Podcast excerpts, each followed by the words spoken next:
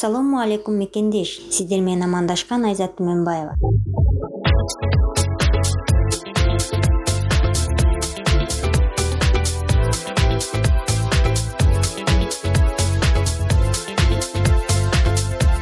Кыштап чыгат экен анан могу жаз кышын гана кечирээк болуп калат экен да бул. Төлдөчү убагында расплод болоордо суук болуп калат экен анан чүйдө эртерээк төлдөйт да бул көп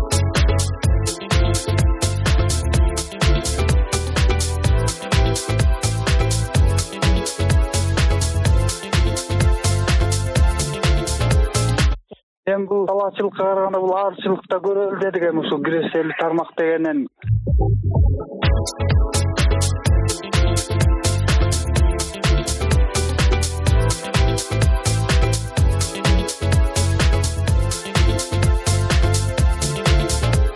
аарыны чүйдөн алдык. Бул эми түбү тетиги германиядан келген немелер экен да. Маткасы ошол жактан келип анан көбөйтүлгөн бакфас деген сорту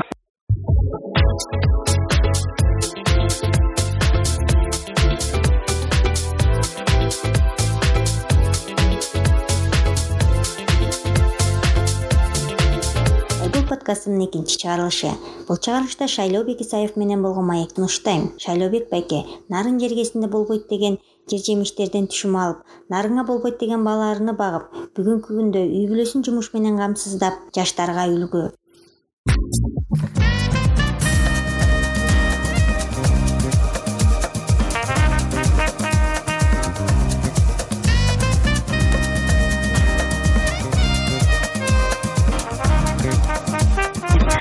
шайлообек байке жөнүндө көп жакшы э, сөздөрдү айтууга татыктуу да. Себеби шайлообек байке аябай эмгекчил адам. Э, балдарын да аябай жакшы тарбиялаган эмгекке. Анан ушу шайлообек байке ушу айылда э, теплицаны эң биринчи ачып айылдын элин бүт жаңы жанагындай жер жемиштер менен камсыз кылды. Азыркы убакта балалары менен алектенип атат да. Бал ушул байкенин балын дайыма алып жейбиз өзүбүз дары катары колдонобуз. Ушул айылда тиги арылар азыктанбай калган убакта жанагы гүлү катып калган убакта тоого барып балдарын арыларын өстүрөт. Ошол жердеги тоонун балынан алабыз тоонун балы адамга аябай пайдалуу дейт экен ошо ошон үчүн ошо дарылык касиети жакшы экен. Ошон үчүн биз тоонун балынан тоодогу гүлдөрдүн балынан алынган балды пайдаланабыз да. Ушу шайлообек байкеге аябай чоң рахмат айылдын эли куланактын эли дайым рахматыбызды айтабыз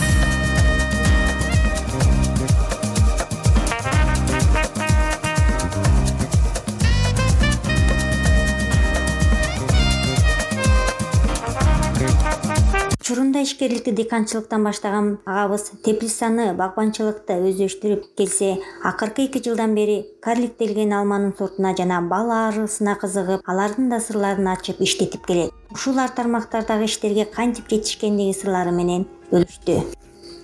Саламатсызбы? Жакшы жакшы жатабыз мен өзүм улан ак айылдын тургуну азыбек дыйкан чарбасынын башчысы болом фермер мал чарбасы менен эле бирге аарчылыкты да өздөштүрүп атабыз. Ушу эки жыл үч жыл болуп калды. Бул өздөштүргөнүбүздүн себеби ушу уулум инициатива көтөрүп бал курайлы деп отуз кырктап келгенбиз биринчи жылы. Анан көбөйтүп отуруп азыр жетимиш челектен ашып калды. Анан эми дагы бир жүзгө чыгаралы деп атабыз. Бул эми жакшы тармак экен. Үй бүлөлүк экономикага киреше жакшы киргизет экен. Жакшы баштап атабыз. Бул эки жыл болуп калды да баштаганыбыз үчүнчү жыл быйыл. Эки жыл болуп калды дедиңиз анан ошо жумушчу аласызбы же үй бүлөңүз деле жумуш менен камсыз кыласызбы эми азыр жумушчу ала элекпиз. Өзүбүз эле бала бакырабыз менен үй бүлөбүз менен иштеп атабыз сиз ары деп атпайсызбы? Ошо бал арынын кызыктуу жагдайлары кызыктуу. Мисалы малга окшошпой окшошпу же окшош эмеспи? Кой карагандан менен бал карагандан бал челек карагандын айырмасы кандай экен? Эми бал челектики эле ошончо түйшүгү болот экен. Ооракерчилиги болот. Анан ар бир жумуштун өзүнүкү болот эмеспи. Анан бул ары бир башкача жандык экен да. Жанагы гүлдүн чаңынан өзү келип алып келип бал топтойт экен өзүнө кышкы запаска тамак топтойт экен. Анан бул акылдуу болот экен да аябай. Булар өздөрү каякта гүл бар чалгындап издеп келет экен бирөө бирөө ошону иштетет экен. Бирөө чогултат маткасы төлдөп көбөйтүп турат. Булар бир он беш жыйырма күндөн кийин уже астыңкылар өлө берет беркилери көбөйүп турат да бир суткада бир эки миң үч миңдей чыгат. Ошончодон ары чыгып турат да анан бири ары он беш жыйырма күн эле жашайбы. Жыйырма күндө ушу жумуш чарылар ошондой болот да. Бир жыйырма күндөн кийин чарчап өлөт алар уже кете берет карып. Аны тазалап туруш керекпи челектин жок астын өзүлөрү тазалайт өз ичин тазалайт үйүн тазалайт. Анан жанагы аарларды дагы балды алып келгенде кабыл алып кайра ичине башкалары пресс деп неметет да ичине. Топтойт. Баягы таза балды алат да кабыл алат. Өзүнүн кабыл алгычы болот иштетип ичине чаптайт тазалап турган уборщицасы болот ушул бүт ошондой. Эмгекчил болот экен да булар арын сиз айтып атасыз го жумушчусу болот анан кабыл алгычы болот анан баары эле ары бирдей эле көрүнөт да же бөлүнөбү оройбу мындай бешенеси же мындай кандай. Мисалы биз бул эме ак кой анан кара кой же болбосо кызыл торпок кара торпок дейбиз го ошол сыяктуу мындай кичине өңдөрүнөн айырма болот бекен же мындай баары эле окшошпу мындайынын баары эле окшош только матка гана башкача болот да узун чоң болот. Жана төлдөчү бир эле матка болот бир челекте анан эми жанагы иштеген аракетинен билинет да чыгып учуп келип э, баалап келип аткандар жумушчу арлар да алар топтоо менен учуп турат анан эң биринчи жана чалгынчы арысы эртең менен чыгып каякта суу бар каякта гүл бар ошону билип келет. Анан ошондон билсе болот да чалгынчыны. Айланып айланып учуп анан ошонун баарын ээрчитип кетет жанагы тобу менен. Чалгынчы бир челекте канча чалгынчы болот ошондо бир эки үчөө болобу чыгып өзүлөрү учуп турат да эртең менен. Биринчи чыгышат ошолор анан чыгып эле айланып айланып анан барып каякта гүл ошол тараптан алып келет. Анан кайра ээрчитип кетет ошол жака. Баштоо чечки. Анан ошондой жолу менен ошо менен барып келип кечке ташыганы көрүнүп турат да иштеп турат. Кадимкидей эле ошол жол менен барып келип турушат булар адашпайбы адашпайт кайра так ошо ордуна конот да. Эгер челегин алып кетип калса челекке карабайт так эле ошол эле ордуна келип конот. Челегин көтөрүп кеткен күндө дагы. Булар баягы ориентирди жакшы алат да так ошол точкага эгер ордуна жыгызып койсо баягы челекке конбой ордуна барып конот да. Сиз бааларны баштагычы акты ушунун баарын билип алып туруп баштадыңыз да э? Окуп чыктыңызбы же кандай кылдыңыз? Эми бул практически эле үйрөндүк да. Жанагындай келгенден кийин эле дагы бул уулум бир аяш атасы бар ошол киши келип анын да бир жетимиштей челеги бар. Анан ошолор менен чогуу иштеп анан ошону практически эле үйрөнүп атабыз да көрүп. Ал киши айтып берет моягы момундай болот деп ошол жакшы жактарын айтып киши менен иштеп атабыз. Бир эле матка болот деп атпайсызбы анан челектерди мисалы отуз болчу анан кырк кылдык анан жетимиш кылдык деп көбөйтүп атасыз да анан ошо сиз өзүңүздөр челектерди пустой челекке кантип бөлүнөт кошупчу мисалы? Кой эмес дейм да эми мынтип бияка жылдыр анан сен бияка кон депчи булар эми өздөрү ар бир челектики өзүндө болот да. Жанагы матканы ошолор багышат жанагы топтогон дагы ошол маткага кыштын алты ай багыш үчүн азык зат үчүн топтойт да жанагы балды. Анан булар башка челектен башка челекке эч качан кошулбайт. Булар таза да болот киргизбейт. Начар жанагындай бир башка жыттан келген арларды киргизбейт. Кароолчу арлар да болот жанагы оозунда башка чоочун арын да киргизбейт только өзүнүн баягы семьясындагы арлар гана ошо жытынан билип ошолор гана кирет да. Анан башка бир челектен бир челекке кошулбайт эч качан челекти челеги менен анан кантип көбөйтөт дейм да мисалы? А челектен эми бул атайын неме чыгарат? Матка путь жана маточник чыгарат да өзүнүн уже төлдөчү мындай матка ары чыгарчу жети сегизди чыгарат анан ошондон бөлсө болот да ар биринен алып башка челекке коюп анан жана рамкалар болот рамкадан бир экини койсо эле анан өзүлөрү чыгарып алат эне эне ары. Өзү кайра э? Ошондон чыгарып алат демек маточник тартат да өзү тиги матка. Өзү бир эле эне бал ары бал челекке бир эле тиги эне деп коебузбу э? Матка арыдан бирди коюп койсо эле өзү көбөйтүп алат турбайбы э анан ошол бир өзү төлдөйт да ошо атайын матка чыгарыш үчүн бир алты жетини маточник тартат. Ал маточникти бөлөсүң ар бир ящикке анан ошондон анан матка чыгат. Бир челектин ичинде ары канча ары батат деп ойлойсуз канча ары жашайт.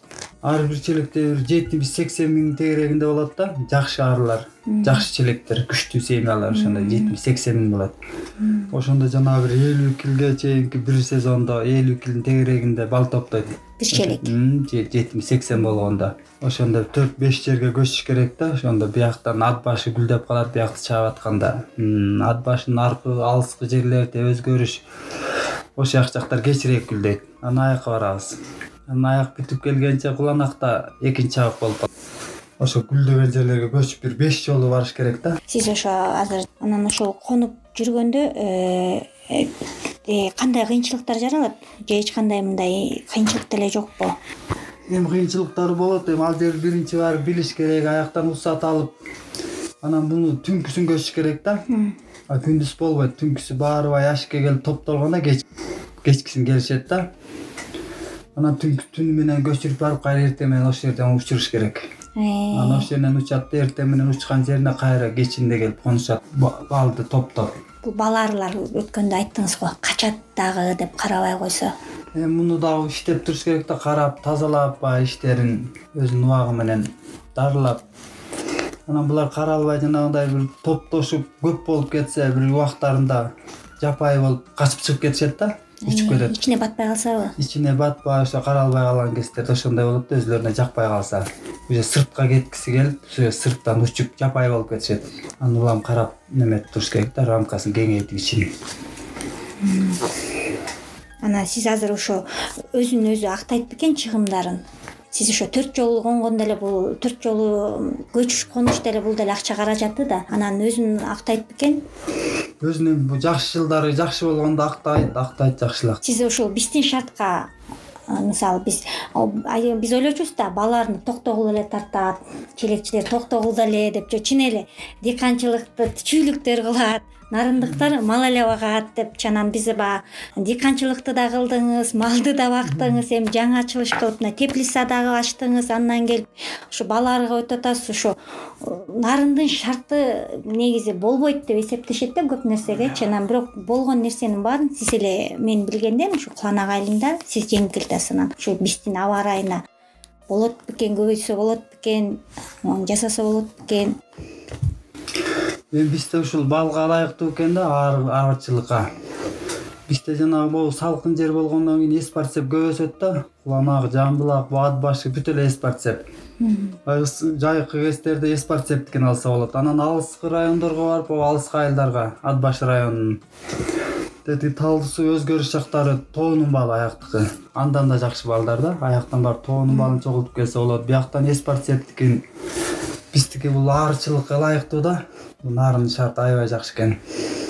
Кышкысын гана суук болот экен бирок кышкысын деле бияктан эксперимент кылып он он бештен челек чыгарып атабыз кыштан. Бияктан деле болот экен жакшылыктуу жерлерге коюп.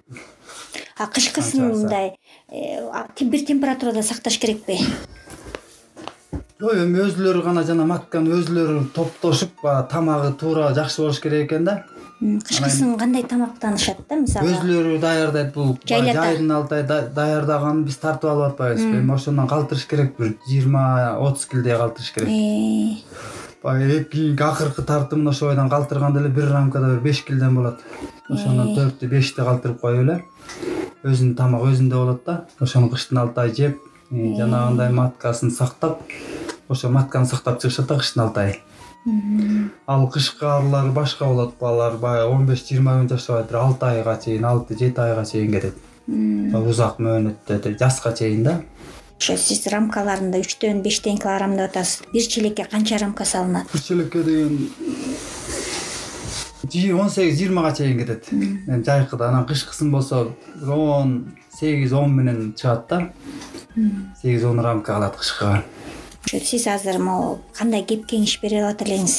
Ойлонуп жүргөн ишкерлер бардыр мүмкүн же бир э, башка бирөөлөр бардыр кандайсынан баштасам деп ошо балаларга. бала арысын уюштуруп кура алса жакшы эле болгудай экен. Э, келсе кеп кеңештер беребиз. Мына бул ат баш жакта бүт эле баары көбүнчөсү. Ушу бал челектерди курап атышат да жакшы кирешелүү тармак экенин билишти.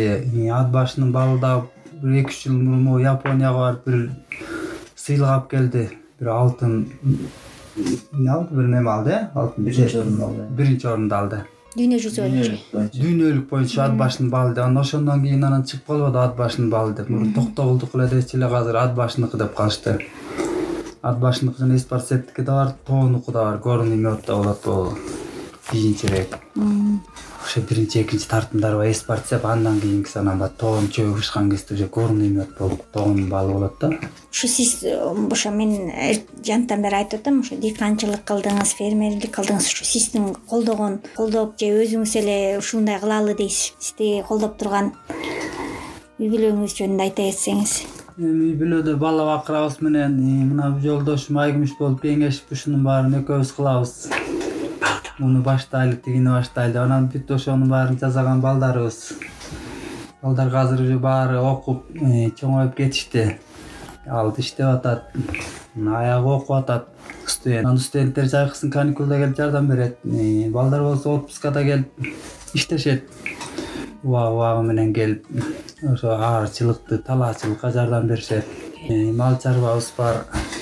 Келин кесектер келет баарлыгынан тартабыз. Э, дыйканчылык кылып жүрдүңүз анан теплицага өттүңүз анан ушу арычылыкка өттүңүз ушу этап этап менен баарын көрүп көрдүңүз да ушунун баарын бирөөнө эле багыт албаганыңыздын себеби эмнеде эмне үчүн бирөөнө эле менен кете албай? Эми бул ар тармактуу болуш керек экен да эми бул талаачылык дыйканчылыкта деле бир жылы жакшы болот бир жылы жакшы болсо өтпөй калат. Же бул табигый бир немелер болот дагы болбой калат ар кандай болот? Аарыныкы деле ошондой малдыкы деле бир жылы төлү жакшы болот жылга жараша болот да. Ошон үчүн баарын бирдей алып келатабыз. Талаачылыкты да карайбыз мал чарбабыз да бар малыбыз. Анан эми балчы эле курап койдук элек а деле зыяны тийбейт тармак зыяны тийбейт киреше киргизип турат. Ошо баарын бирдей алып жүрүп атабыз да. Кыскасы кыймылдаш керек дейсизби кыймылдаш керек эми айтаарыбыз баары элдин баары эле кыймылдап аракет кылса берекет дейт баары эле колунан келет жасаса. Иштеш керек. Колдоо ала алдыңызбы мындай ушундай э, ишкер же ушундай башка жактардан мындай колдоо алып иштеп көрдүңүзбү? Же жеке эле өзүңүздүн күчүңүз менен эле келе атасызбы эми биз могу талаачылыкты иштегенибизди көрүп билип могу айылдык э, кеңеш кызматы бар эмеспи ошолор менен бирге иштечүбүз мурун анан могу теплица куруп берди да. Усаидтин проектиси менен теплица куруп берди. Ошондо бир канча миң төрт жүз миңдин тегерегиндеги акчага. Анан бир өзүбүз бир жыйырма беш отуз процент өзүбүздүн каражат. каражаттан болду. Өздүк салым болуп калганын ошо өзүлөрү материалын берип анан теплицадан жардам беришти И мурун ошол усаидтики менен агро горизонт деп ошо үрөндөн жардам берип атты. Эки жыл жашылча жер жемиштин үрөндөрүн таратып могу жерден айылга да группа түзүп бир жыйырмадай киши иштеп атты ошо жыйырма кишиге бекер уруп берип атышты. Бир кезде бир келип ушу теплица ачылганда сизден интервью алгам да анан ошонун ичинде бир жүзүм эксперимент кылып жүзүм айдап көрөйүн дедим эле деп жүзүм айдагансыз да ошол жүзүм мындай мөмө бердиби же болбойт бекен биздин шартка? Бул эми жана теплицада болот экен жылуу жерде. Кышкысын үшүп кетет экен да тоңуп калат экен сыртка да айдап көрдүк анан ичке да. Ал ичтики болуп атат азыр түшүм берди мурдагы жылы берди. Берип атат. Аны да көрдүк анан мына былтыр дагы неме алма алып келдик жанагы. Карлик анан полукарлик деп. Хорватиядан келет экен ошолордон айдадык огородко кырктай. Быйыл түшүм берет деп атат. Анан көрөбүз Э, берки карликтерин да айдап көрдүк аны айдап койдук. Ада берет дейт. Биринчи жылдары эле берет экен былтыр да гүл ачып ийди кээ бир аларын үсүп койгон ушу экинчи жылдан баштап берет да. Карлик деп атпайсызбы? Келгенде эле түшүм булар мисалы алма бактар көп жылга жашайт деп билебиз да. Бул карликтер кандай жаш? Булар эми тигилер элүү алтымыш жылдап жашаса бир жыйырма беш отуз жыл болот экен мунуку анан түшүмдү эрте берет экен анан бийиктиги полукарликтер эки жарым метрге чейин болот экен. А тигилер болсо бир бир жарымга чейин жакшысы барат экен бирок биргелер бир жарымга барбайт го кичинекейлер бир метр деп атпайсызбы ошо бир метрлик бак канча түшүм берет деп ойлойсуз? Канча килограмм бир түп? Беш килограммдай берет экен беш алты берет деп атат да. Беш алты. А чоң бак болсочу? Быйыл алабыз го буюрса берки полукарликтер канчадан берет болот экен? Алар он беш жыйырмадай берет го. Анан эми быйыл түшүмдө көрөбүз да ал ошо сиз алмаларды атпайсызбы кышкы алмабы же жаз мындай эрте? Түрлүү кышкысы дагы бар. Орто бышканы анан эртеси да бар. Ар- бир сорттон алып келдик. Анан быйыл буюрса жакшы кайра кыштан жакшы эле чыгыптыр анан булардын тамыры дагы беркилердей жайылбай аз эле болот экен бир. он беш жыйырма сантиметр эле. Демек жерге эконом болот экен да? Жерге да эконом ар бирин эки метрден эле айдайбыз биягы эки метр биягы эки метр кылып аз эле жерге бир кыркты айдадык анан жакшы болуп калса эми дагы огородко айдайлы деп атабыз ошо быйыл эксперимент кылып. А сиз азыр деле огороддо да э? Э огороддо а көчөтүн алып келдиңиз? Ооба бул тетиги европадан келет экен бишкекке ошо халалникке сактап турушат экен. Э, анан бунун жакшы жери жанагындай өнүп кетет антип мынтет дебейт ошо бир температурада кийинки жылга деле калып калат экен бул ошо складында кийинки жылы алып келип айдаса уже өнө баштайт экен. Булардыкы ошо атайын холодильникке сактап турушат экен да. Жаңы киргизбейт Биз- кышкыдай болуп тура берет биз экен баягы эме кылабыз го? Черенка деп эле карагатты деле ушинтип талдарды деле ушинтип анан булардан деле ошо черенка кылып мындай эксперимент жасап көрдүңүзбү? Андай кылган жокпуз эми кыйыштырып өзүбүздүн бактардан кыйыштырылгандар бирин сериндери бар. Анан булардан кыйыштырган жок анан булар кандай болот? Көрөбүз го биринчи быйыл түшүмүн көрөлүчү андан кийин анан мисалы алма бышып аткандан кийин демек бизге алмурт деле бышат болуш керек анан өрүктүн түрү деле бышат болуш керек дейм да. Сиз аларды алып келип көрдүңүзбү же алып келе элексизби а биздики өзүбүздө эле биякта өрүктөр бар да өзүбүздөн айдаган местный өрүктөр. Анан кыйыштырып деле беркиндей кыла элекпиз азыр жөнөкөй өрүктөр бар да. Анан алмалар бар анан жакшы сортторун эми ошо былтыр алып келгенбиз ушундан көрөбүз да. Дүйнөлүк рынокко чыга аласызбы ушундай. Мисалы бал менен алма менен чыккыңыз келеби келечекте? Аяка деле чыгыш кыйын болуп калат го могу нарындын базарына чыгыш кыйын. Мына могу привознойлор эле союп коюп атпайбы азыр биз деле алып барып сатсак тияктан арзан алып келишет. Эми биздики экологиялык таптаза болуп жакшы неме эмгек менен өсүп атпайбы. Эч кандай химикат кошулбайт эч нерсеси жок. Анан аны карабайт да баягы арзанына карап эле ала беришет да. А тияктыкы баягы химикаттар менен көп өсөт. Чоң болот ар кандай болушат да аякта жакшы көп болот.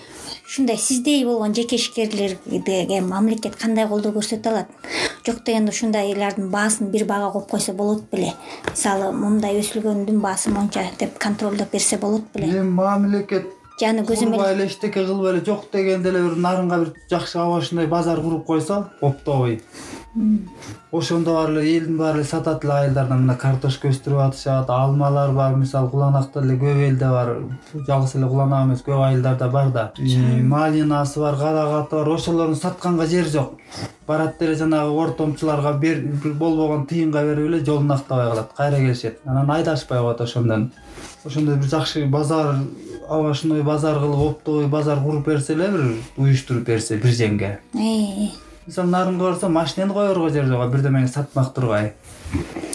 Анан жанагы эле алып сатарлар эле ал колдон жулуп кетет бир болбогон тыйынга. Анан элдин да көңүлү калып атат эчтеке алып барган жолун актабаса андан көрөк барса бир жакшыраак баага сатып анан биртке барып калса анан аа деп кызыгат эле. Ооба ошол биздики дүйнөлүк рынок эмес бул нарындын рыногу кыйын болуп атат нарынга чыкканда кыйын турбайбы э? Нарында ошол сбыт кыйын да өткөрүш кыйын болуп атат. Анан биз деле бул садик болуулар камсыз кылып жүрдүк. Садиктер бир жети сегиз бала бакчанын нарын шаарынан. Ошо таза продукция менен капуста картошкабыз бүт ушу жеринен көрүп өзүлөрү алып атты да. Анан кийинчерээк эле бул чүйдөн привозной кылып ташый башташты. Тендер деген менен өтүп жүрдүңүз да э? Тендер менен өтүп аттык эми. Анан кийин электронный вариант болуп калды анан тетияктан эле кимиси өтүп атат өзүлөрүнүн кишилеринен өткөрүп коюшат ойдон биздин таптаза экологиялык таза продукциябыз калып калып атат. Могу биздики экологиялык таза ушулар жакшы сакталат да? Э, биз бул немеге өткөрүп жүрбөдүкпү бала бакчаларга капустабыз могу түркүлсейге өткөрүп аттык тетиги июнга чейин барып атат а күзүндө жыйнаган. картошка эми күзүндө алып барып өткөрүп беребиз. Складдарына жакшы сакташса эле тетиги июнга чейин барат да кийинки түшүмгө чейин барып атат анан жанагындай химикат жанагындай кошулгандар көп сакталбайт алар наоборот былжырап кетет турбайбы былжырап сырт кетет. эле көрүнүшү эле жакшы көрүнөт көрүнүш жакшы болот да убактылуу. Да бизде ошо сорттору кандай болот? Мисалы сиз азыр алманын сортторун айттыңыз а могу капуста жер жемиштин сортторун дагы а, сорттоп айдайсыз да же мындай баары эле өтүмдүүбү? Эми сорттору деген мурун мурунку убактарда өзүбүз колго алчубуз да. Эми бул жерде атайын үйрөнчүлүк чарба болбогондон кийин болбойт экен чаңдашып кетет да. Э, мисалы алган сабисиң башкача болуп кетет кызылчаң бир же кызылча тиги сабиске окшошуп кетет баягы бири менен бири чаңдашып. Болбойт да эми атайын үйрөнчүлүк чарба болгондон кийин өз өзүн жайдаш керек. Анан азыр кийинчерээк бул голландский уруктарга басым жасап калдык. Бул голландский бүт ар бир сонун болот экен жакшы канча килограммга чейинки уруктар э, кийин түшүм бергенде. Э, сапаты кандай өңү кандай бүт ошондой болуп чыгат экен. Жакшы уруктар болот. Анан сактоого дагы бүт баарын ушу голландскийлер. Жакшы сакталып сабиси турбайбы пиясы баары тең аябай жакшы болот. Анан стандартта болот өзүнүн стандарты менен. Талаачылык могу мал чарбасы болуп аткандан кийин эмки келаткан өсүп келаткан жаштарга э, эмгектенишсин аракет кылса берекеттейт бүт эле баары колунан келет иштешсе эле ошо иштесин эми. Айылда жумуш жок эмеспи? Айылда айылда жумуш жок эмес айылда киши жок болуп атат иштегенге. Жумуш көп жумуш деңиз жумуш көп. Мал болобу жана жумушсуздук деген жөн эле сөз да эки жактан жумуш издегендер мына могул айылда эшигиңин алдына чыксаң эле жумуш. Э, мына эртеден кечке деле бошобойбуз бир бош убакыт жок. Анан жанагынтип эле жумуш жок деп эле Чоң. аракет кылышсын. Чоң рахмат. Сиздин да убактыңызды Э, кармап койдум чоң окшойт. рахмат. Э, ишиңе ийгилик